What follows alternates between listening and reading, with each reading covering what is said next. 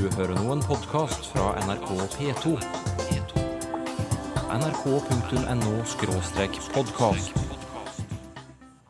Hvordan kan grenlandsdialekten være akkurat det en dikter trenger? Og der bruker man jo mye haru, skarru, virru. Så når man sier liksom 'hva skal du', det er mye mer hyggelig og søtt. Mens 'hva skal du', da er man litt mer frempå til poenget, da.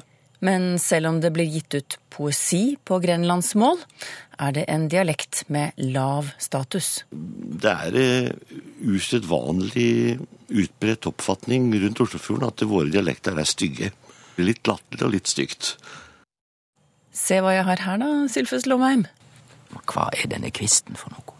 Det er en gåte. En gåte. Vi skal fram til et ord. Kvist. Ja, det er en del av ordet. Men det er mer, da. Kvisten på treet. Nei, du skal få løsningen litt senere i sendingen. Hvis du skulle dikte en skapelsesberetning, hva slags språk ville du valgt? Grenlandsdialekt, kanskje?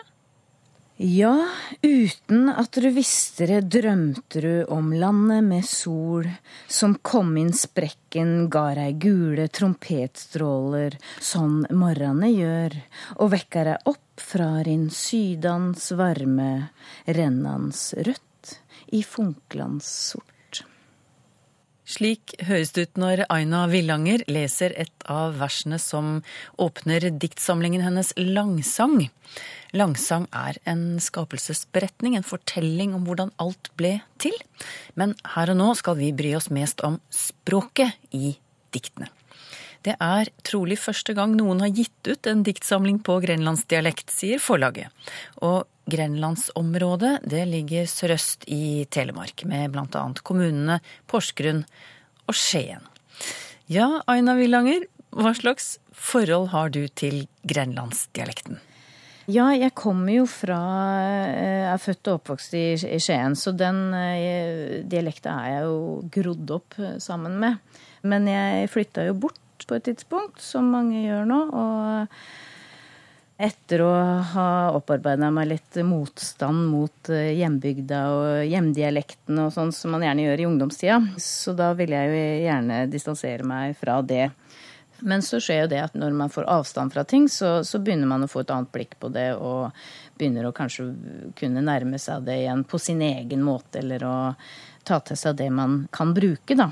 Og det er det du har gjort nå, i voksen alder? Brukt grenlandsdialekten? Tatt utgangspunkt i den, og diktet på det du kaller et hjemmesnekret språk. Men hvorfor skrive på en dialekt du ikke snakker selv lenger? Eh, nei, nei, det var jo nettopp for å ta tak i det lydlige og det muntlige. Først og fremst det lydlige. Hva legger du i det, det lydlige?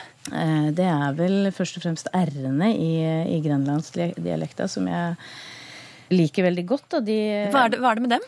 ja, eh, nei, r-en er jo både det at den er så brutal og sterk og har noe sånn Ja, nesten litt sånn aggressivt ved seg, da.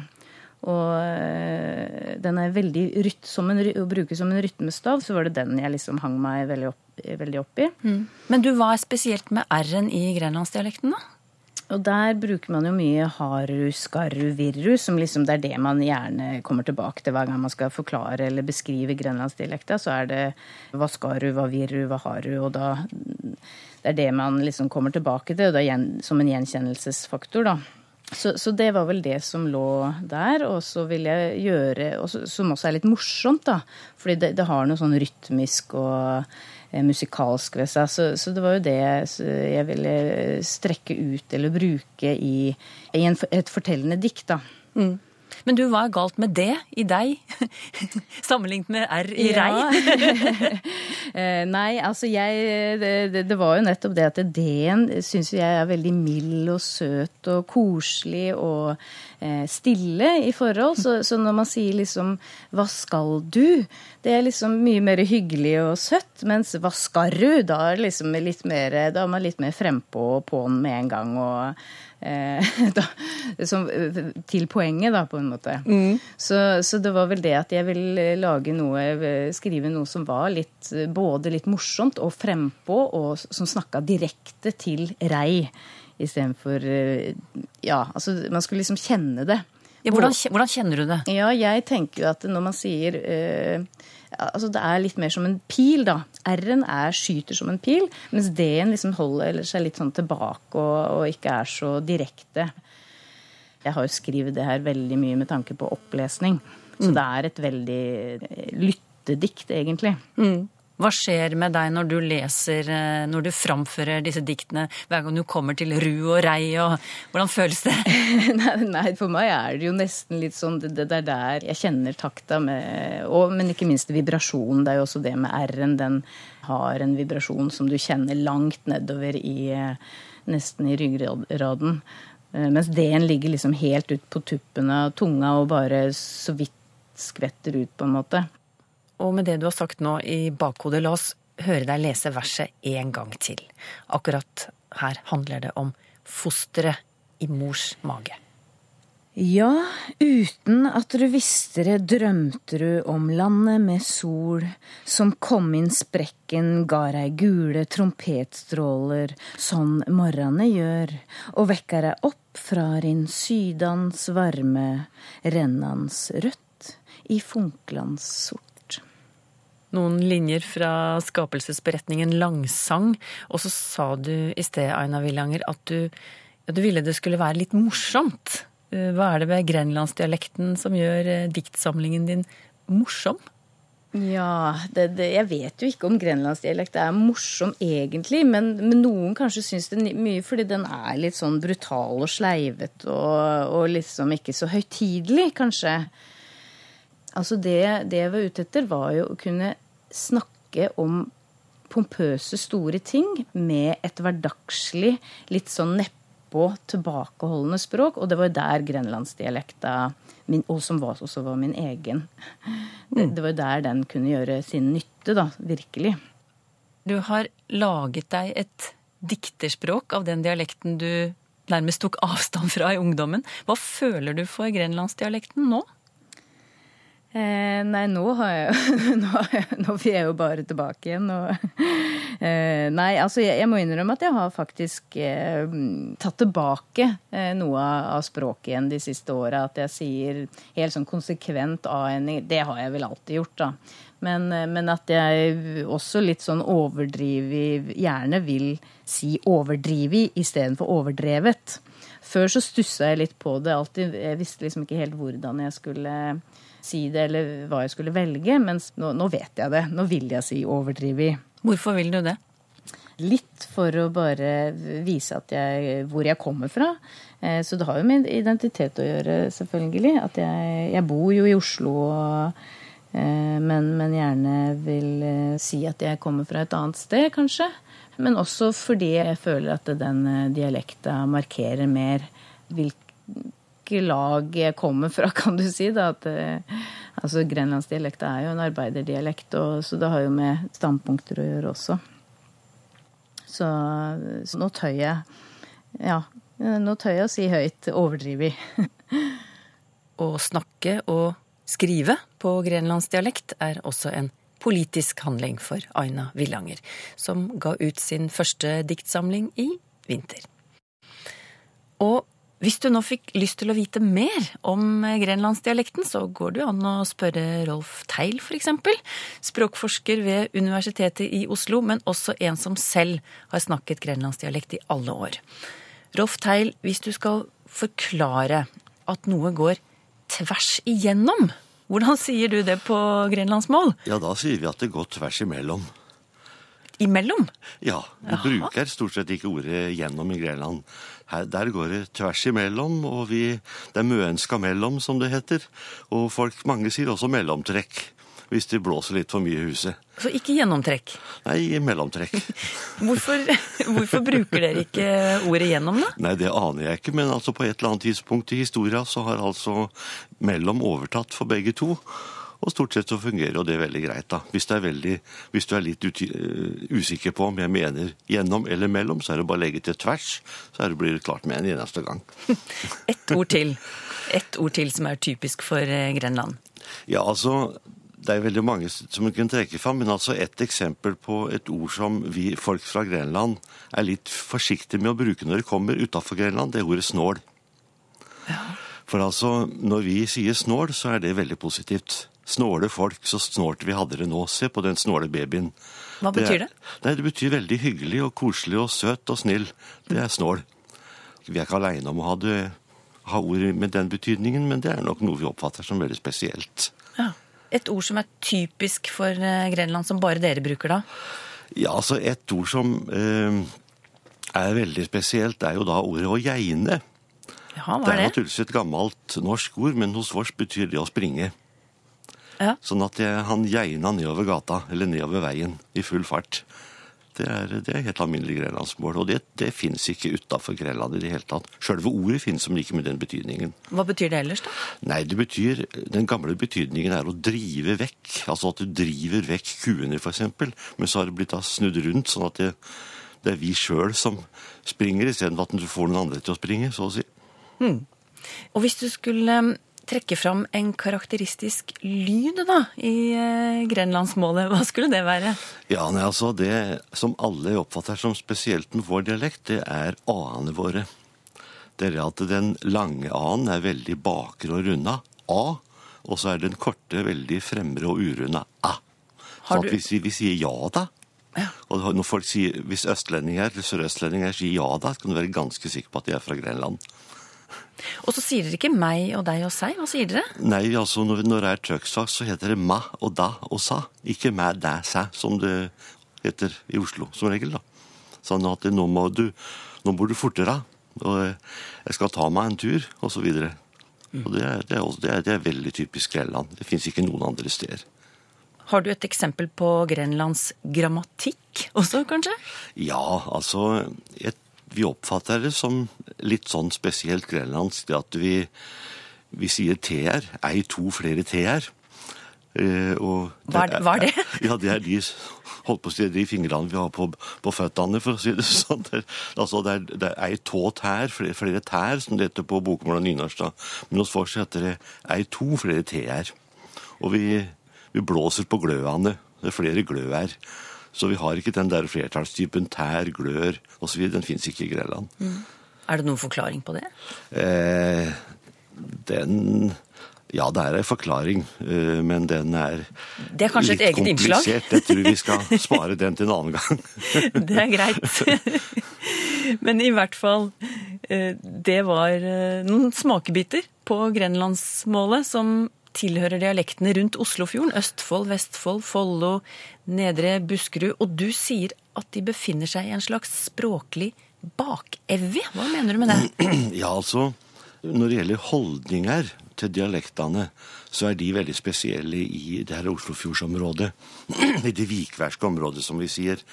Det er eh, Altså, eh, eh, på 70-tallet så hadde vi den her visebølga over hele landet. Det var eh, folk fra alle land, og alle landsdeler de sang viser på dialekten sin. Særlig i Nord-Norge var jo det veldig utbredt. Det var fjæra og fesken og sånt hele, hele tiåret. Men altså rundt Oslofjorden så hadde vi ikke det fenomenet. På et eller annet, altså Det som var ei sånn visebølge med dialektbruk over hele landet, det, det smitta ikke over på oss fra Oslofjordsområdet. av en eller annen. Ja, hvorfor? Hva tenker du? Nei, altså, jeg tror det har å gjøre med språkholdninger. Rett og slett det at vi er litt for nær Oslo, for å si det så, litt brutalt. Eh, Det er eh, usedvanlig utbredt oppfatning rundt Oslofjorden at våre dialekter er stygge. Folk eh, sier som så at ålreit, eh, vel, vel, det er fæle, stygge saker det vi har her, men vel, vel, åssen skal vi snakke? Vi må jo snakke, vi også, men noe pent er det liksom ikke regna for å være, da. Hvem, hvem er det som sier at det er stygt, da? De, de fleste. Det er veldig sjelden du hører folk som sier at vår dialekt er pen. Det er, eh, men jeg, jeg tror det har å gjøre med det forholdet at vi ligger så nær Oslo. Det er en holdning fra, Oslo, fra hovedstadsområdet som så å si har eh, spredd seg utover til hele Sør-Østlandet om at dialektene søra for Oslo, de er stygge. Enten du er fra Fredrikstad eller Tønsberg eller Porsgrunn, så er det stygge saker. Litt latterlig og litt stygt. Men hvordan Da tenker jeg folk som bor i grenlandsområdet, hva gjør dette med forholdet deres til egen dialekt? Det gjør det at de ofte ikke tror at de har noen dialekt i det hele tatt. De tror bare at det er noen slurvete, stygge greier. Litt, litt slurvete uh, Ja, ja ord- ordet slur, slurvete og stygg uttale av bokmål, det er liksom det som er vanlig oppfatning at det er det. Det er ikke noe egentlig dialekt, det vi har. Men du, dette synet på, på grenlandsdialekten som du har eh, beskrevet nå, hvordan påvirker det språkbruken hos dem som vokser opp i Grenland i dag? Eh, Det har nok eh, en ganske alvorlig konsekvens, for det er Altså Når det gjelder folk på min, på min alder, er 65, så, det, så, så snakker folk dialekten sin. Men altså yngre folk, det, jeg merker en veldig sterk tendens til at folk slår over til et eh, slags, en slags Oslo-dialekt av noe slag. Naturligvis det finnes mange som snakker dialekten fortsatt, men tendensen til å ikke gjøre det er større enn før, det er helt sikkert. Hva kommer det til å skje med grenlandsdialekten, tror du? Ja, si det, du. Det, hvis ikke holdningene blir endra, så, så tror jeg at eh, om noen tiår så hører du ikke forskjell på Oslo, Porsgrunn og Skien. Ja, vil grenlandsdialekten overleve? Språkforsker Rolf Teil ved Universitetet i Oslo er i tvil. Ingen vårslapphet å spore hos lytterne våre, ikke foreløpig iallfall. Stadig like nysgjerrige på ulike sider ved det norske språket. Ylva Ambrosia Wærenskjold hun lurer f.eks. på hva gammen betyr, som i uttrykket fryd og gammen. Hva vil du svare, Sylfest Lomheim? Kanskje vi skulle ta fryd òg eh, med det samme. For all del, gjør det. Fryd, eh, da skal vi tenke på tysk. Freude, som betyr glede. Altså fryd betyr Det har med å være glad å gjøre. Og så er det gammen i fryd og gammen. Det har ingenting med gamme å gjøre, altså en eh, litt enkel bostad på fjellet. Men det er det som mange personer i Setesdalen vil kjenne igjen som gaman eller gama. Det betyr moro. Og dette er ikke noe veldig pussig særnorsk ord, fordi at dette er nøyaktig samme ord som på verdensspråket engelsk. Game. Game over. Fordi eh, det er altså moro eller spel. Så um, gaman på norsk, game på engelsk og fryd og gammen på bokmål, der tyder dette ordet moro. Jan A. Sannem skriver til oss om formuleringene tatt til orientering og tatt til etterretning. De brukes ofte f.eks. i møtereferater, i protokoller, eh, skriver han. Og spørsmålet hans er når er det riktig å benytte den ene formuleringen, og når er det riktig å bruke den andre? Eller kan de brukes om hverandre? Det lurer han også på. Ja, de kan jo egentlig det fordi det korte svaret og det viktigste å si først er at disse to uttrykka tyder det samme når det gjelder styremøte og møtereferat. Ta til orientering og ta til etterretning tyder det samme. Men du all verda hvor mange diskusjoner jeg har hatt med både jurister og andre spissfindige administratorer som mener nei, det er en forskjell. Nei, det er ikke det. Å ta til orientering, da hører du ei sak, og du tek saka til orientering. Og hvis du hører ei sak, så kan du også si ja, dette tek vi til etterretning. Folk gløymer at etterretning ikke betyr å rette seg etter. Det betyr rett og slett informasjon. For alle kjenner jo uttrykket etterretningstenesta, og vi veit jo at den ikke har til oppgave å rette seg etter noen andre. Den driver rett og slett og samler informasjon. Så når vi har tatt til etterretning, så er det den tradisjonelle bruken av etterretning i mening informasjon. Og hvis vi òg tenker gjennom og er litt ryddige når det gjelder styrefunksjon og saksbehandling, så veit vi at anten så gir du vedtak i ei sak, og da gir du vedtak. Og hvis ikke du gir vedtak, så gir du ingenting. Da tek du saka til informasjon, til etterretning, til orientering. Det er ikke noe midt mellom å ta til orientering og det å gjøre vedtak i et styre. Det fins ingenting mellom der. På Facebook spør Petter Hagemo hvorfor finnes det kvister om morgenen, men ikke om kvelden. På morgenkvisten er et helt greit utsagn, men på kveldskvisten ja, Der er jeg spent på hva du vil svare, Sylfes Lomheim. Ja, for det første så er det rett eh, når Petter Peter Hagemo sier at eh, på kveldskvisten har vi ikke i norsk. Vi kunne strengt tatt ha hatt det, men vi har det altså ikke. Så det er om morgenen vi sier på morgenkvisten. Og så er det spørsmål hva er denne kvisten for noe?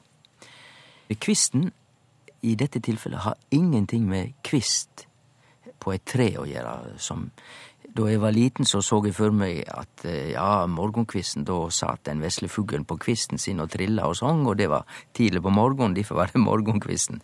Nei, det er ikke det. Dette går tilbake til et veldig gammelt ord i vårt nordiske språk, og til og med enda eldre, truleg, som dreier seg om å dele. Kvist. Og da uh, skjønner vi òg hvorfor det heter kvist på et tre, fordi at kvisten på treet, det er der treet deler seg, og så blir det ei grein. Kvist har altså med deling å gjøre. Deling i to. Og på morgenkvisten, det er der natta og dagen skiller lag. Altså, de deler seg. Og da blir det lett å forstå. Ove Mathois skriver til oss at han reagerte på følgende setning fra en matematikkbok i barneskolen. Erlend tjener sju færre kroner enn Viktor. Han forteller at han foreslo for matematikklæreren å erstatte færre med mindre, og plassere mindre bak ordet kroner. Altså Erlend tjener sju kroner mindre enn Viktor. For at barna skulle forstå tekstoppgaven bedre. Men matematikklæreren var ikke enig. Svarte at ordet mindre gjerne blir knyttet til fysisk størrelse men at ordet færre er en matematisk term som barna må lære. Og nå lurer han på om dette her er riktig, rett og slett. Ja, jeg er jo tilbøyelig til å være enig med han faren som har snakka med matematikklæreren, fordi at eh, det er ikke naturlig eller idiomatisk norsk språkbruk å si at eh, Erlend tjener sju færre kroner enn vi snakker om i norsk, og tjener meir enn naboen, eller å tjene mindre enn naboen. Eh, det er klart at i matematikken så er færre, da begynner du å liksom se for deg einingene, de som du kan telje. Og det er vel det matematikklæreren eh, held fast ved. Men eh, jeg syns jo det er litt betenkelig at matematikken lager liksom sine egne språkbruksregler. Det det er skeptisk til den pedagogikken som ligger bak.